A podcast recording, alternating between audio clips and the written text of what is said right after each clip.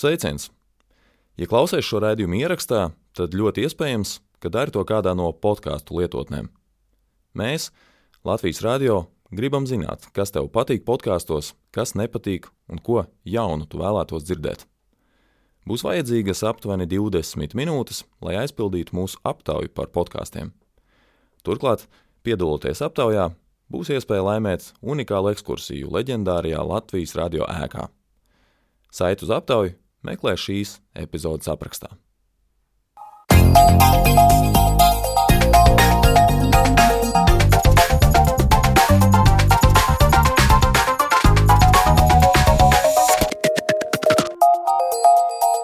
Zināmais nezināmajā. Esiet sveicināti redzējumā, zināmais nezināmajā. Ar jums kopā esmu es Sandra Kropa, un šodien mēs runāsim par radioaktivitāti. Černobiļa, Fukushima un no arī kara apstākļi, kuros dzīvo Eiropa, šodien no jauna likusi domāt par kodola drošību mūsu reģionā. Tehnoloģijas monitorēšanā ir attīstījušās, tāpat arī top līdzekļi, kas pasargātu cilvēkus no radioaktīvā starojuma, kur tas sastopams dabā, kādus radioaktivitātes avotus rada pats cilvēks un kā tiek modelētas situācijas, kurās radioaktīvās vielas nonāk saskarsmē ar dabu un cilvēku. Par to tad šodien runāsim raidījumā. Taču pirms tam uzzināsim, kāpēc cilvēks nevar dzert ūdeni no upes vai ezera. Tas, ka sunim vai kaķim slāpju dzēsēšana ar peļķes vai grāvju ūdeni neko nekaitē, ir mīts, tā apgalvo speciālisti. Bet kāpēc minētie dzīvnieki tomēr padzeras ūdeni no šādām ūdenstilpēm un kā tas ietekmē to organismu, par to turpmākajās minūtēs Zānes Lācis Baltvalksnes ierakstā. Pirms mēs sākam runāt, ko nodara padzeršanās sunim vai kaķim no atklātas ūdens tilpes, jautājums ir, sunim taču ir ļoti laba oža. Reizēm varbūt mums cilvēkam šķiet, ka kāda netīra peļķa vai grāvis, bet tas suns lok ūdeni no tā. Protams, ka gan kaķiem, gan suņiem oža noteikti ir daudzos gadījumos labāka varbūt tās nekā mums cilvēkiem. Bet, protams, ka tas instinkts dzert ir ļoti būtisks un dzīvībai ļoti svarīgs.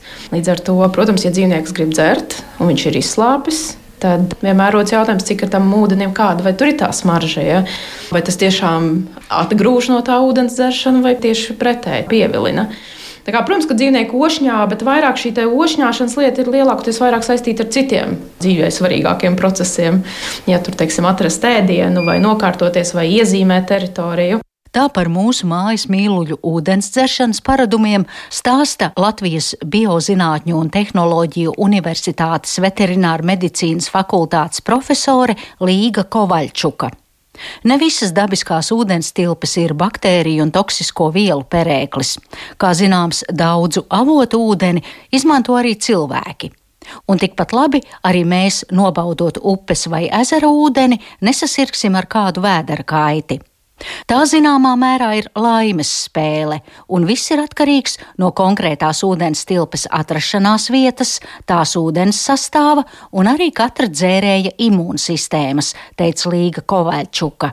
Es teiktu, ka tas nav tā viennozīmīgi, jo arī sunim, arī kaķim no šīs ūdens padzeršanas var būt tālāk sekas. Ja dzīvnieks uzņem ūdeni, kas ir kontaminēts, kurā ir iespējams vai nu bakteriāls piesārņojums, vai parazitārs piesārņojums, vai arī kāds toksisks aģents.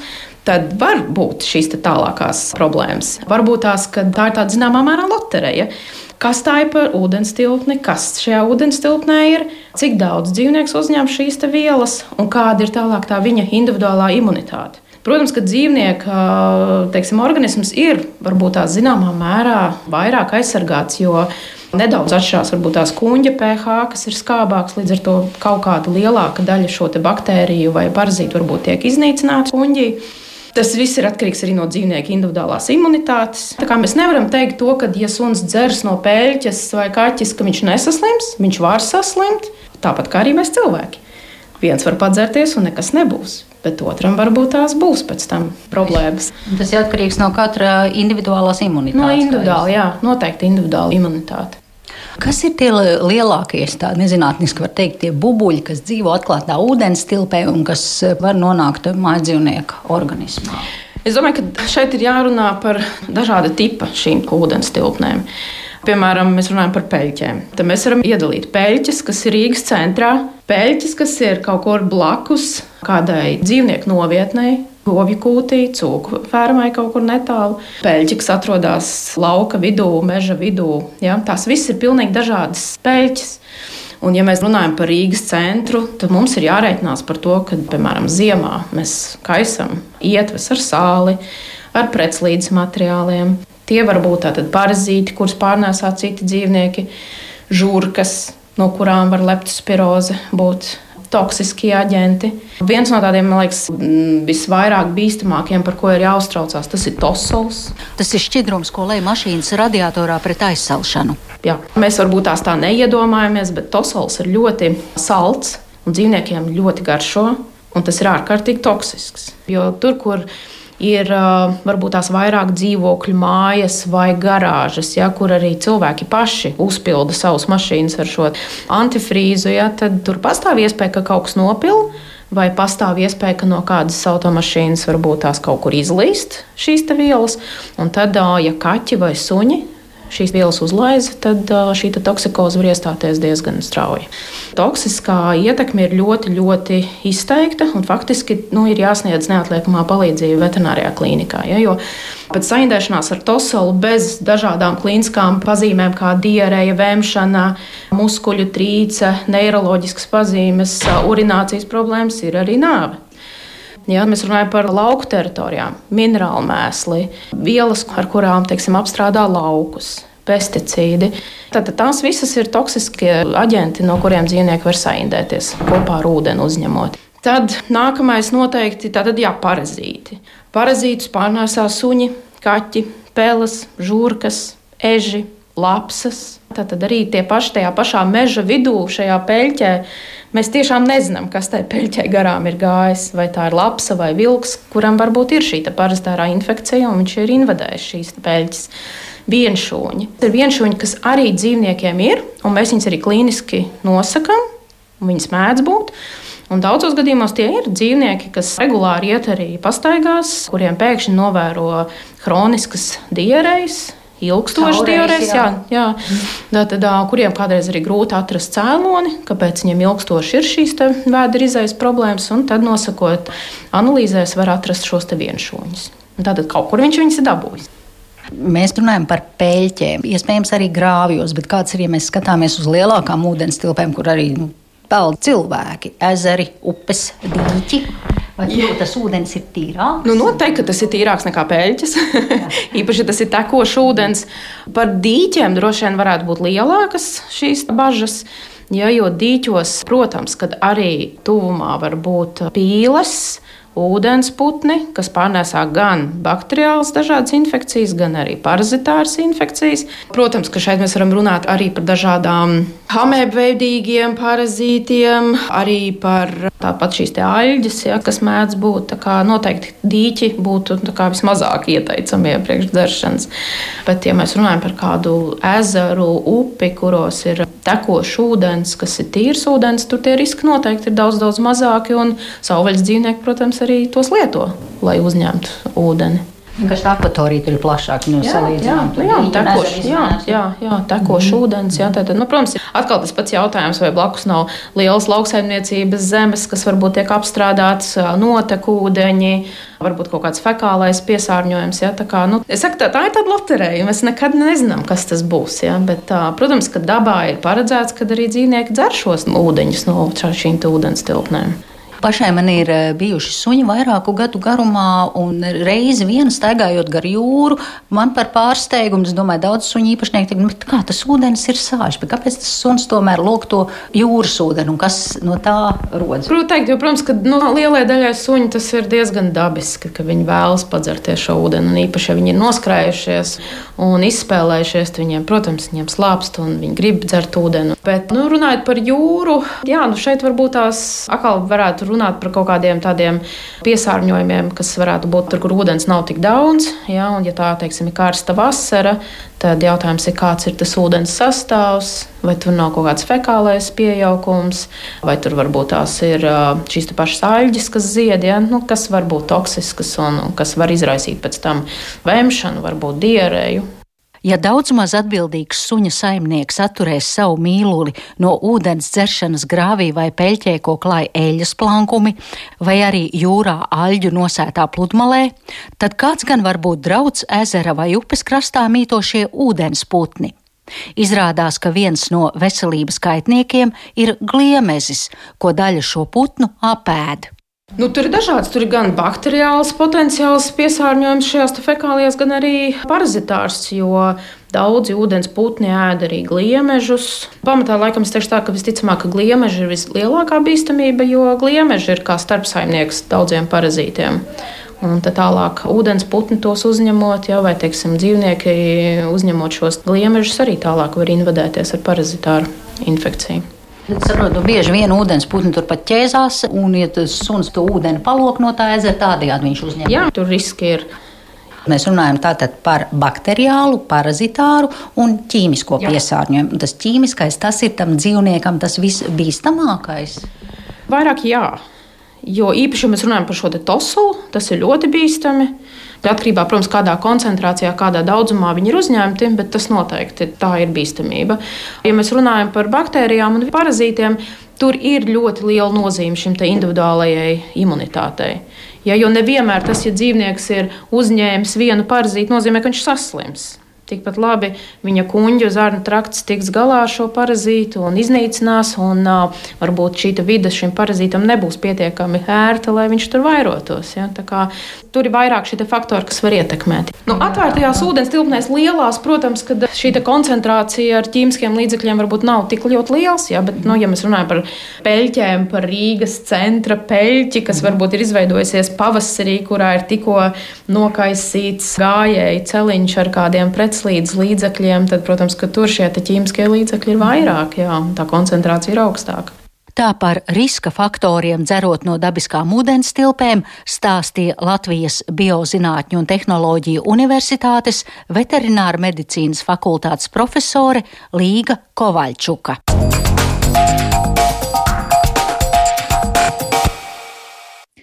Dzirdējām Zānes Lāces Baltāksnes stāstu par ūdeni, dzīvnieku un cilvēku veselību, bet par radiāciju laukakmeņos, akās un atomelektrostacijās saruna pēc brīža.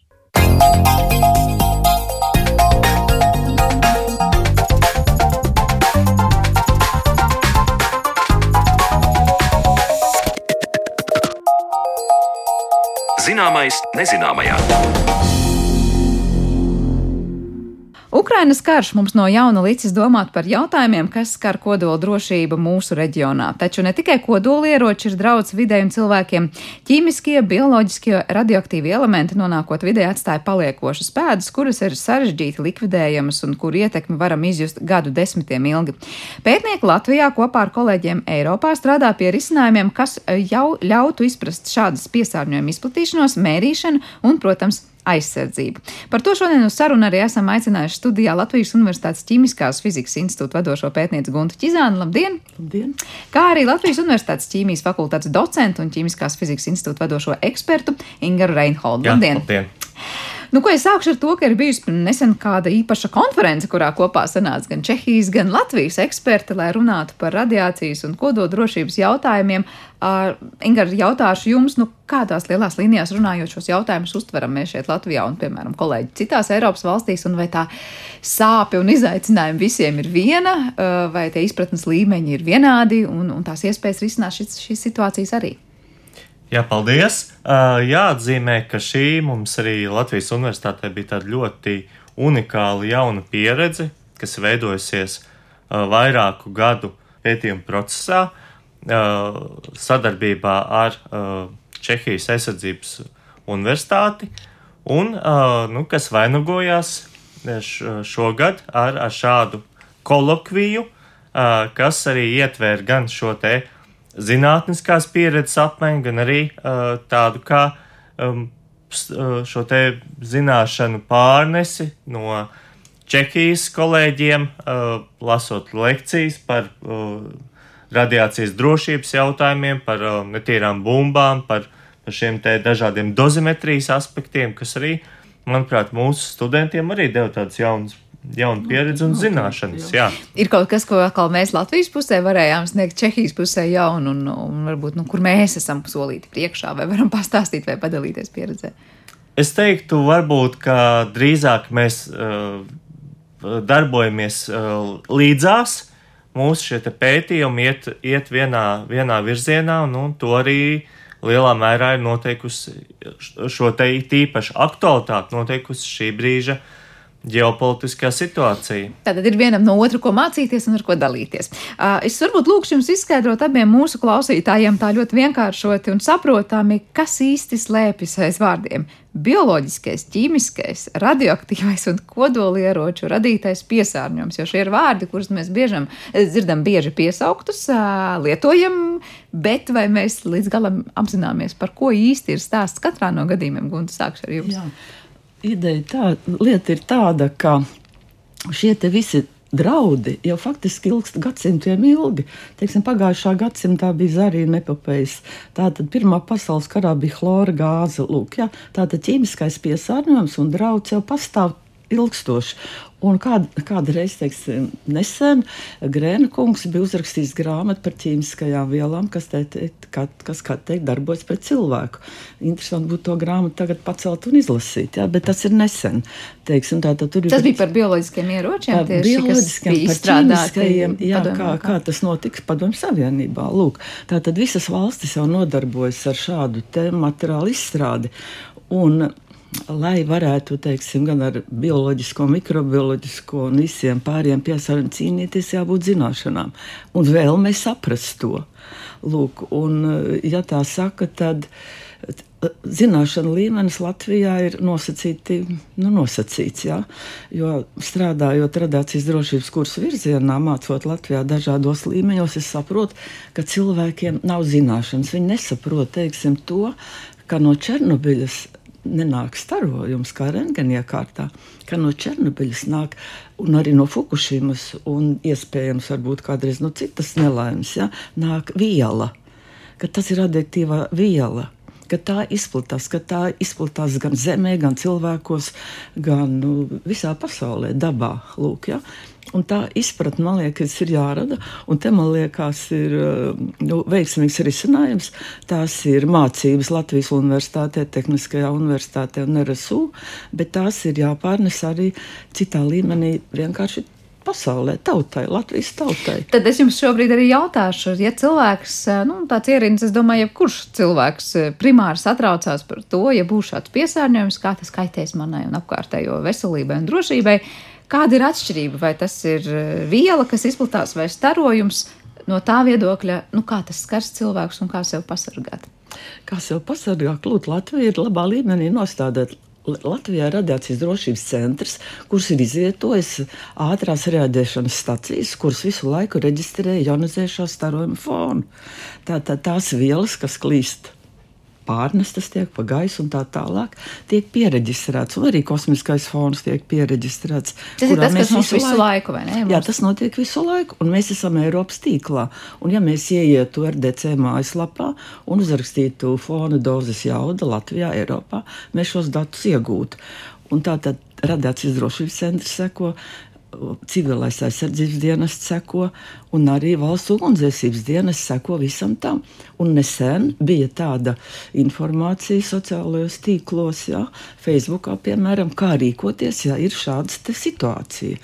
Lūk, ja, un to varbūt vajadzētu vairāk izplatīt vienkārši es esmu tajā Facebookā un es to redzēju. Un, un es skatos, ka cilvēki arī nu, atzīmē, ka patīk. Jā, ka tas ir interesanti, ka tas ir jāzina. Nu, protams, ka šajā pavasarī un vasarā mēs daudz par to esam domājuši, runājuši, satraukušies un, un meklējuši šo informāciju. Bet es saprotu, ka par tām uh, mērīšanas iekārtām ir arī upēs, kas kon konstatē, ir vai nav tā, nonācis caur upēm konkrēti. Tā tad ir Latvijā. Tā tad, uh, tuvumā pie Daugaupils, tuvumā pie Ignalīnas, tā tad ir arī mēra aerosols un ūdens, ūdens paraugus arī ņem. Tātad Latvijā ir veikta tāda interesanta analīze. Latvijas Geoloģijas meteoroloģijas centrs ir veids, kā noteicis radona akās, radona, teiksim, dzīvojamās telpās, un mēs esam tāda, nu, neliela, neliela koncentrācija, ka par to nav jāuztraucās. Par tādām radioaktīvām vielām, kas ir dabīgas. Ja? Nu, kas ir šī radona cēlonis? Tas jā. ir viela, kas visu laiku ir bijusi, būs un ir mūsu apkārtējā vidē. Taisnība, tā ir apkārtējā vidē, tās ir urāna torija, radionuklidu sabrukšanas produkts. Un tā, tā, tas pusabrušanas periods, laiks, kurā samazinās aktivitāte uz pusi, ir miljardiem gadu. Ja, teiksim, tur ir dažādi radionuklīdi, arī īsākiem, garākiem pusperiodiem. Bet vietas, kur tas ir, tie ir kaut kādi ieži, tie ir māju apbūve, kas tas tāds taisnība. ir? Tieši tā. Jā, Ingūns laikam tad pastāstīs par to. Jā. Nu, sāksim ar to, kas ir tas dabīgais fons. No jā. kurienes ir tas cēlonis? Dabīgais fons nāk no faktiski arī no kosmosa. No kosmosa. Tas, kas ir Zemē, tas ir mūsos. Un ko es vēl gribēju teikt, tie bija seni laiki, teiksim, kad Leņņģeradas institūts, zinātnīs pētnieciskais, bija uzņēmis uh, ionizējušā staro, neteiksim, bet tā tad radionuklīdu sadalījumu. Tas bija pirms Černobiļas pa Latvijas karti. Ja? Un tur ļoti interesanti, ka aizpūtas pusē bija vairāk kā līdz 40. Nu, tā ir tā atmiņā. Nu, tā iežos ir, teiksim, arī. arī mālos, teiksim, Katrā ziņā uh, viena lieta, kas ir iežos un dabā un nāk no kosmosa, ir kaut kas, ko mēs nevaram ne pasargāt, bet arī tas Jā. visu laiku mums ir bijis līdzies, ar to mākam mm. sadzīvot. Un droši vien tās devas ar tur ir nu, krietni mazas, par Nē, kurām, lai mēs satrauktos. Kā kurā vietā Čehijā, piemēram, ir avoti, kur radona aktivitāte ir 6000 bekereli. Ko tas nozīmē? Litrā. Tas ir 6000 sabrukšanas sekundē, radionuklīdu sabrukšanas sekundē notiek. Bekerels ir viena sabrukšanas sekundē sekundē. Kāds ir tas atskaites punkts citur, piemēram, pie mums, ja tur ir seši? Mums ir vislielākais daudzums, akā ir 40, tas ir uz allažu pusi, tur vienā kā ir, bet tā ir 5, 4, 10, 10 nav. Līdz desmit bekareliem litrā ūdenī, akā ūdenī ir lūk. Ja? Jā, un tagad arī mūsu geogrāfiem, geologiem ir interesants pētījums. Viņi pēta dažādu elementu saturu akās pa visu Latviju. Un tad mēs arī mēģināsim noteikt, kāda tur radionuklīda ir. Ingram, bija kas piebilstams? Jā, nu tas, bet, protams, jāņem vērā, ka ir šīs te iespējamie kodola incidenti, un, un tas, tas, ko mēs arī apspriedām šajā kolokvijā, kā, kā rezultātā šīs daļiņas var nonākt ar līdzīgi kāds bija Černobijas, Černobijas gadījumā, ja, tad šis daļiņas var nonākt atkarībā no vēja ātruma, nonākt. No vēja rozes, kā saka, jā. Var nonākt, teiksim tā kā Černobijas gadījumā, lielākais mākonis aizgāja uz Zviedriju. Protams, tie bija pirmie, kas konstatē. Protams, Pripete un viss tas ir piesārņots, lūk, jā, un arī Eiropas daļa. Tāda karta arī ir cēzijas sadalījums. Tad vēl ko es gribēju teikt, ka ir tie divi galvenie radionuklīdi, kas rodas šādu kodola avāriju gadījumos. Tas ir stroncijas 90, kas ir analogs kalcijam kas iekļūstot organismā. Tātad kaulos, tur arī paliek, jā. tur arī paliek zobos. Lūk, jā, un otrs ir cēzis 37, kurš uh, nokļūst mīkstos audos, un par kuru tātad arī Ingars un kolēģi strādā par to antidotu, lai varētu palīdzēt cilvēkiem. Atgādiniet, es zinu, ka par antidotiem mums te ir bijis raidījums pirms kāda laika, bet uh, nu, kas tā? ir šīs pretvielas, ja tā var teikt? Mm -hmm. Jā, tā, tās tātad, tie ir uh, dažādi šie dzels uh, savienojumi, Prūsijas zilais un, un tā modifikācijas, pie kurām Latvijas Universitātes grupa kopā ar, ar Čehijas aizsardzības arī universitātes pētniekiem. Mēs strādājam, lai izvērtētu dažādas šīs iespējas, kā pielietot uh, šādus antidotus, gan uznest uz polimēriem, gan arī pielietotus kapsulu veidā, Mm, lai uh, nu, saistītu šo radioaktīvo tieši cēziju. Jo cēzijas ir viens no šiem radionuklīdiem, kuram ir uh, ļoti ilgs šis pusabrukšanas periods. Līdzīgi kā Gunte jau minēja, cēzijas un, un stroncijas. Bet tas tad, saskarsme ar šo materiālu, ar šo vielu varētu notikt tajā brīdī, ja notiek kāds speciāls kodola uzbrukums vai, kā, vai, vai, vai kāda atomelektrostacijas, es nezinu, tur jā, avārija vai kāds cits tīši vai netīši. Uh, lietojot šos te antidotus, šīs te pretvielas, uh, cilvēki tad jau pirmajās stundās varētu saņemt kaut kādu nu, ļoti vērā ņemamu to palīdzību, lai teiktu, organisms tālāk netiek īpaši bojāts vai kāda tur ir tā. Jā, nu tā galvenā jau būtība, kā arī arī kolēģi minēja, ir tā, ka mums, protams, ļoti labi ir sakārtot šī uzraudzība ja, un kontrole. Un tādā atti attiecībā uz šādu um, negadījumu, kodola incidentu, uh, protams, tiktu uzreiz arī ziņots par to, ka šīs normas ir paaugstinātas. Ja? Ir tāds, mm. nu, šis līmenis ir paaugstināts radiācijas, un attiecīgi būtu uh, iespējams jau uzņemt uh, šo antidotu, lai aizsargāt organismu, nu, ja šis mākslinieks iet pāri. Uh, Nu, tad, tad varētu teikt, nu, salīdzinoši labi pārciest to laiku, ja tajā brīdī, kad tas jā, nu, piesārņojums apkārtējā vidē būs. Ir rekomendācijas, kad ir jālieto šīs te vielas, cik ilgi un cik daudz. Un, bet, teiksim, man gribas vērst uzmanību uz to, ka vienmēr uh, ļoti daudz runā par jodu. Nav, nav jods, bet tas ir jodīts. Tāpēc es vienmēr. Vienkārši dzert jodu tabletes nebūtu ne, tas, pareizi. Tas nav tā, jā, bet, teiksim, ja cilvēkiem saka jods, viņi visu laiku uztver to, ka tas ir jods elementārais izšķīdināts spirtā. Ja? Un to tad, teiksim, ka reklamē vajadzētu tomēr uzsvērt, ka tā ir jodīts, jodīts ir jālieto. Tad tas saprot, ka tas ir kā nātrija chlorīds, kā vērāmās sāls, vai ne? Ļoti vienkārši, kā kāli jodīts. Tātad šīs antidotu virziens, kurā tiek strādāts, tas bija tātad šī cēzija gadījumā vai stroncija gadījumā? Tad tas, tas ir uh, saistīts ar uh, radioaktīvo cēziju pr primāri. Kas bet, iekļūst bet... tajos mīkstajos audos, jā? jā? Kā ar to stronciju, kas tajos kaulos un zobos ir palikuši un paliek, ja nu apkārtējā vidē nonākuši, vai tur arī kaut kas var tikt darīts, vai atkal kādas ir tālākās tās sekas? Nu, tas, tas ir, tā ir, tā ir viena no, viena varbūt šie, šī te inovācija, ko mēs ar, ar mūsu čeku kolēģiem arī mēģinām attīstīt, kā šo te antidotu, kas nu, šobrīd mums ir pieejami, komerciāli arī šie antidoti ir, kas ir pamatā paredzēti tieši radioaktīvam cēzijam un arī neradioaktīvam talliem, kas arī ir toksiska viela un, un šim tallī sāļi.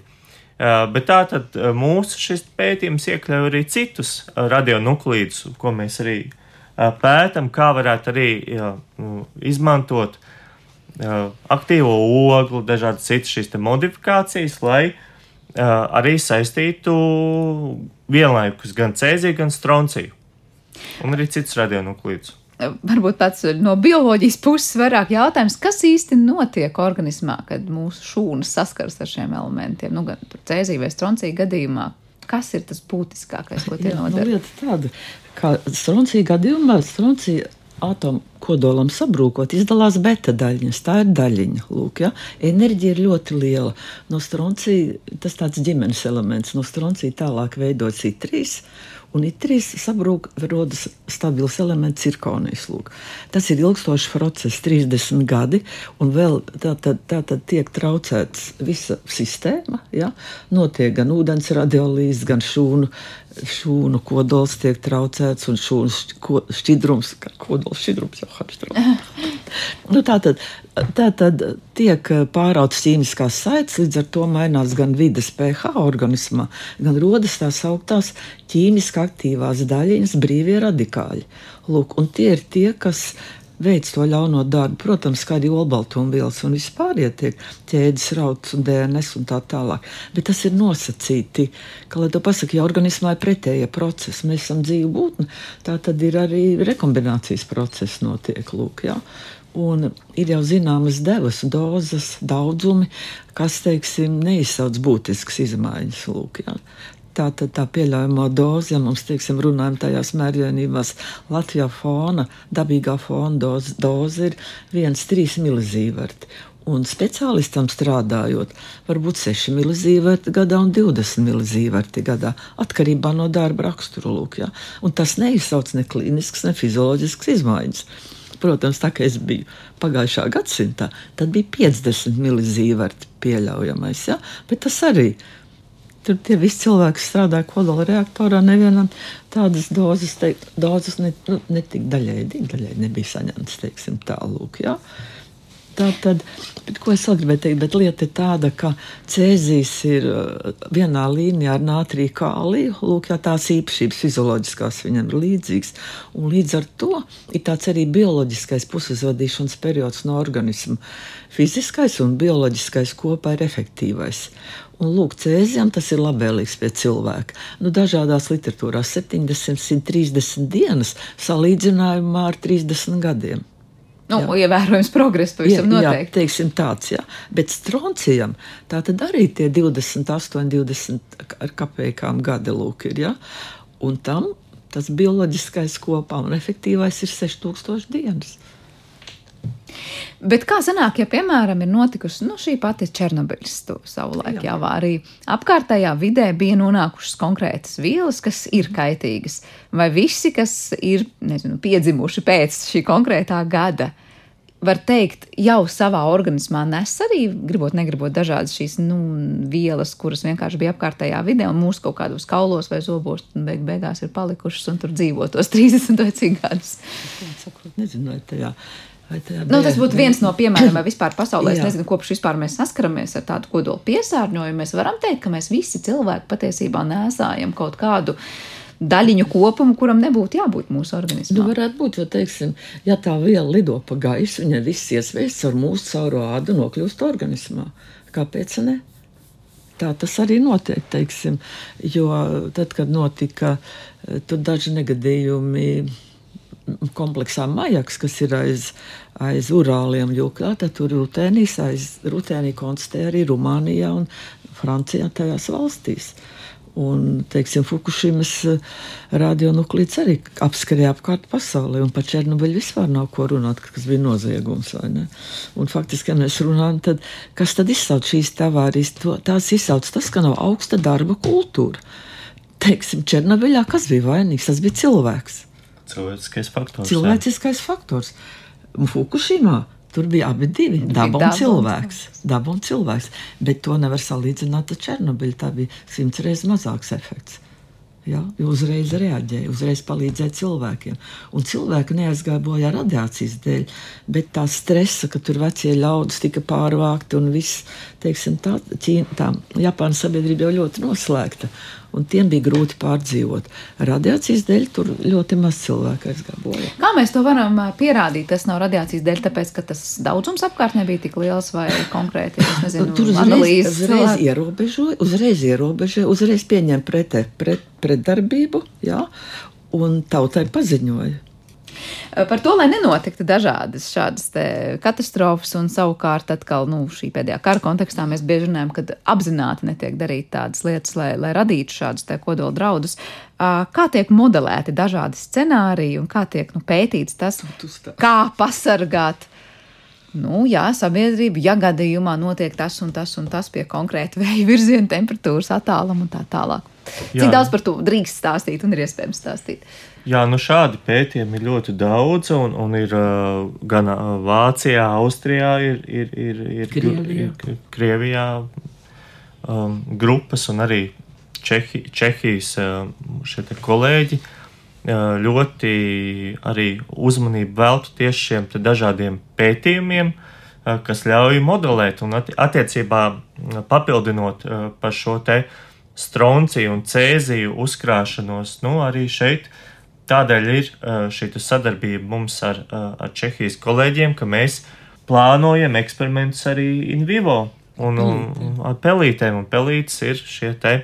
Un tas ir ētikas komisijas saskaņots. Jā, nu, protams, tas, tas šobrīd nekam ar dzīvniekiem viss notiek ar ļoti stingru ētikas pētījumu. Protams, šeit arī tādēļ arī mēs uh, šī kolekvija ietvaros arī apspriedām dažādus šos risinājumus, kā mēģināt ētiskāk veikt, veikt šos eksperimentus. Bet kas ir tas, kas notiek? Jūs pakļaujat konkrētām devām šos, šos dzīvniekus un tad skatāties, ko strādā, nestrādā konkrētā pret. Jā, vai, vai šis antidots uh, ir, ir efektīvs un arī uh, šie eksperimenti ļauj novērtēt šo dažādu radionuklīdu uh, uh, absorpciju organismā.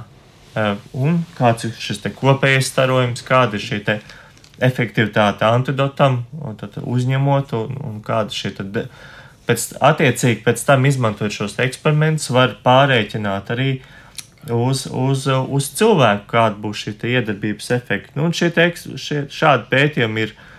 Uh, ir, ir nu, attīstības stadijā mums Latvijas universitātē, bet, bet protams. Uh, bet kā ir visās valstīs, kur šie pētījumi notiek, atbildes tiek meklētas, nu, var teikt, uz vieniem tiem pašiem jautājumiem, Un, ja kādam atrodas kāda viela, kas parādās, jā, ļoti daudzsološa un laba, nu, tad var teikt, tā tiek pārņemta visur, vai ar ko atšķirās, nu, vai tāda, tāda riteņa izgudrošana no jauna katrā valstī, ja gadījumā kāds jau kaut ko derīgu ir atklājis.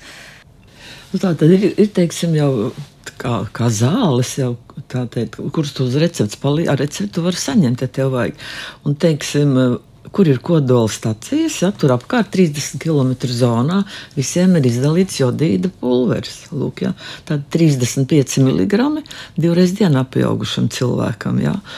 Un, teiksim, Krievija arī ražo šo ar Prūsijas zilo pamatoto savienojumu, bet mūsu sarakstē viņi, mēs vēlējāmies, bet tas jau bija pirms 24.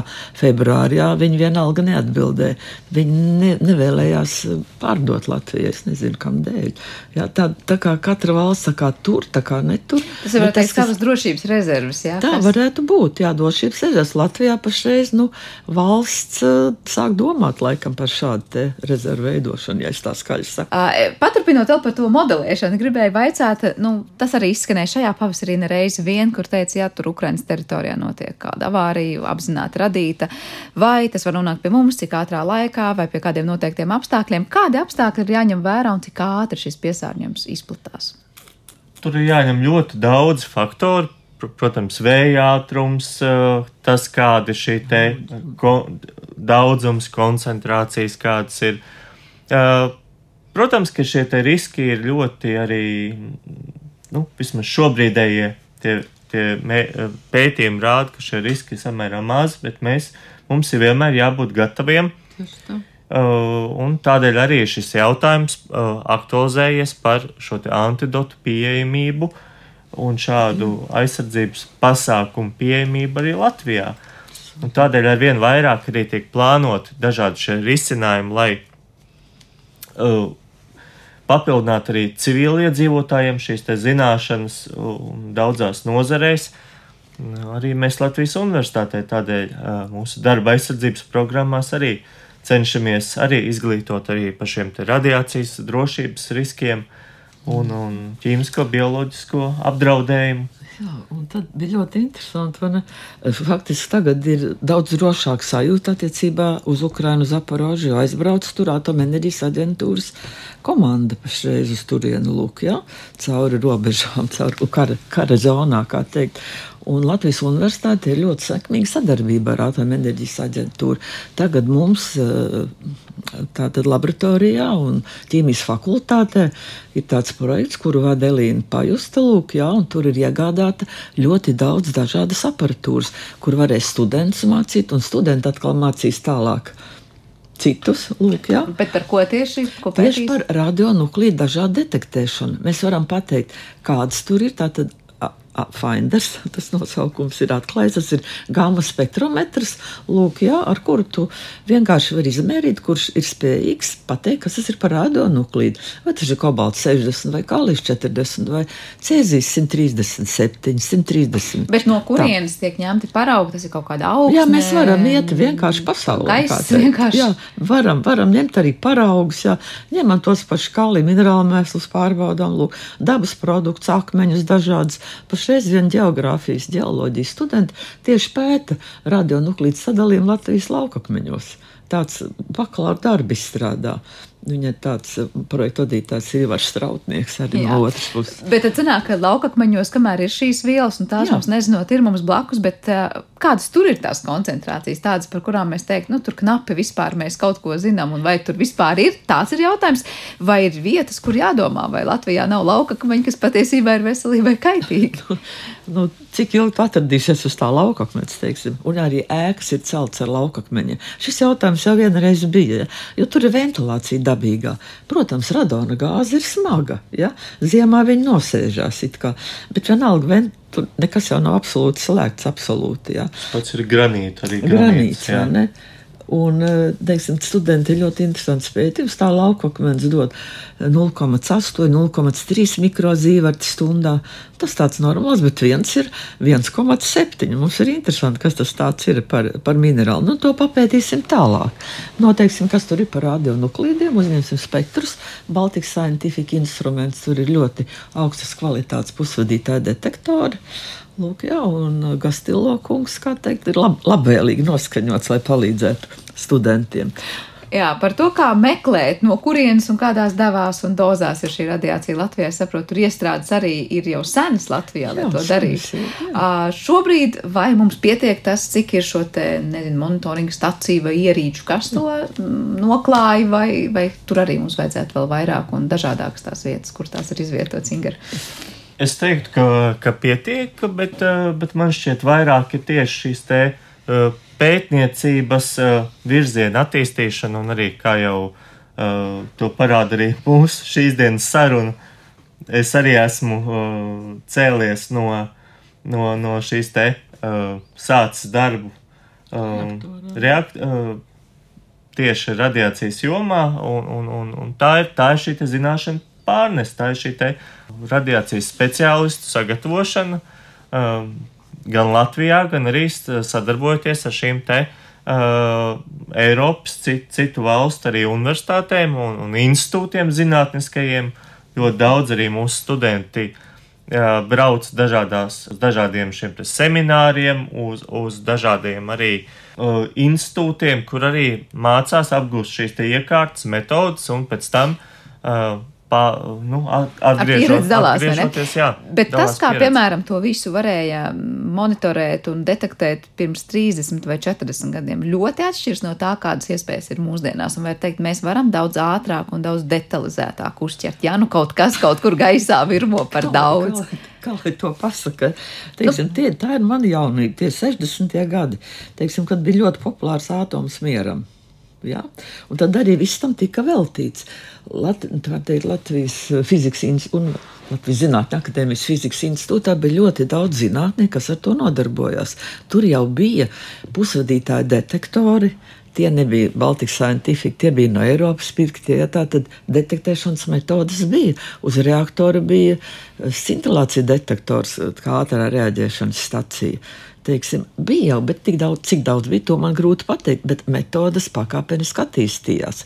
Protams, ka tagad ir nākušas klāt daudz jaunas, parastās ionizācijas metodas. Kur starojuma ietekmē rodas pozitīva, negatīva lādā daļiņa, to tur izmēram. Tad uh, ionizācijas kameras, tad mēra, kāds siltuma daudzums izdalās sabrukšanas procesā. Tagad ir attīstītas diodes dažādas, lūk, jā. Un, un teiksim, dozu nosaka arī varam noteikt pēc tā, tiem produktiem, kas ir apstaroti. Lūk, jā, ir metodas, elektronu paramagnitiskā rezonanse, kas nosaka, kādi radikāļi ir radušies un cik daudz viņi ir radušies un kāda veida radušies. Tad, tad Nu, nu, ļoti daudz. Nu, katrā ziņā detalizētāka, krietni tā aina pavarās šobrīd, un var teikt, protams, arī daudz jutīgāk instrumenti. Jo, protams, mēs... instrumenti. Nu, tā uz pirkstiem, ja ar cietos scintilātoru izšķiršanas spēju, teiksim, bija 10%, nu, tas ir ļoti sliktu, ja. Tad tagad ar pusvadītāju tas ir 0,5%. Lūk, jā, izšķiršanas spēja, kur enerģija atšķirās par nedaudz, bet tu vari pateikt, ka tas ir, tas ir torija, radionuklīda tāla gama līnija, un tā ir tāla gama līnija. Un arī portatīvās ierīces, kas portatīvās, ļauj jā, gan visu šī te iespējas dažādos augstumos, attālumos, jā. un ļoti būtiski jau ir tas, ka arī šis te iekārts, kas paver iespēju iekļūt zonā, zonās, kur cilvēkam Nav iespējams. Pašam ir bīstami, jā. jā. Cilvēkam ir bīstami, jā. Tas ir šis dronu sistēmas un. Jā, tas, tas arī ir. Tas ir sasniegums. Jā, jā patiesībā šobrīd radiācijas jā. Eh, gan pētnieki, gan uzraudzītāji nu, sevi nepakļauj tik ļoti lielam riskam, kāds bija pirms vairākām desmit gadiem. Paldies jums par šo sarunu. Tad es, es saprotu, ka nu, mēs varam justies tā kā droši tajā, kā tas, kas tiek uzraudzīts un uh, monitorēts. Un tas ir nu, nemitīgi, ja rokas pulsa turēt vai apkārt mums viss ir tieši tā, kā tam būtu jābūt. Un ne par, es pat nezinu, kuru mājvienību man tagad jāsaka, grāmatu nevar teikt vairāk. Grāmatu noteikti vairāk nē. Latvijas Universitātes ķīmiskās fizikas institūta vadošā pētniece Gunta Čizāna, kā arī Latvijas Universitātes ķīmijas fakultātes docents un ķīmiskās fizikas institūta vadošais eksperts Ingers Reinholds šodien viesojās mūsu raidījuma studijā. Ar to arī raidījums ir izskanējis, un paldies par to producentē Paulai Gulbinskai, par mūziku gādāja Girds Bišs. Skaņrežijā bija Kristīna Dēle un ar jums kopā studijājas Sandra Kropa un vēlot visiem mierīgu un jauku dienu no jums atvados līdz rītam. Visu labu!